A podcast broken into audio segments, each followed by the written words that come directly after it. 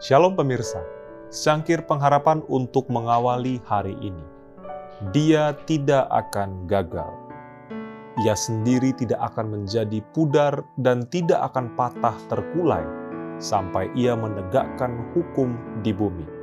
Segala pulau mengharapkan pengajarannya. Yesaya 42 ayat 4.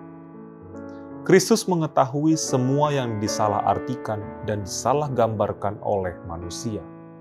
Anak-anaknya sanggup menunggu dengan kesabaran dan keyakinan yang tenang betapa dihina dan dianggap rendah pun mereka itu, karena tidak ada rahasia yang tidak akan dinyatakan, dan mereka yang menghormati Allah akan dihormati olehnya di hadapan manusia dan malaikat-malaikat. Habel orang Kristen pertama dari anak-anak Adam, mati syahid. Henok berjalan dengan Allah dan dunia tidak mengenalnya. Nuh diejek sebagai seorang fanatik dan seorang yang membuat gelisah.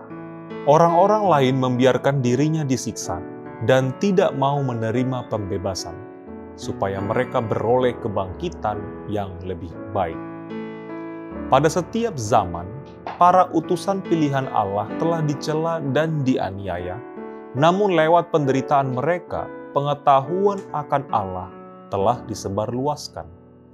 Setiap murid Kristus harus terjun ke dalam barisan itu dan melaksanakan pekerjaan yang sama, karena ia tahu bahwa musuhnya tak dapat berbuat apa-apa menentang kebenaran, tetapi justru untuk kebenaran.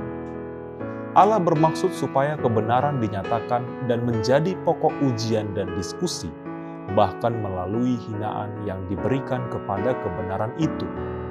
Pikiran orang harus digerakkan setiap pertentangan, setiap celaan, setiap upaya untuk membatasi kebebasan hati nurani adalah alat Allah untuk membangunkan pikiran yang tanpa itu bisa tertidur.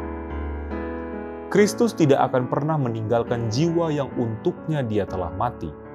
Orang bisa meninggalkannya dan dijejali dengan pencobaan, tetapi Kristus tidak pernah dapat meninggalkan orang yang untuknya dia telah membayar tebusan dari hidupnya sendiri. Sekiranya pandangan rohani kita dibangunkan, kita akan melihat malaikat-malaikat terbang cepat untuk menolong orang-orang yang dicobai ini, bagaikan orang di tepi sebuah tebing curang. Demikianlah renungan kita hari ini selalu mulai harimu dengan secangkir pengharapan.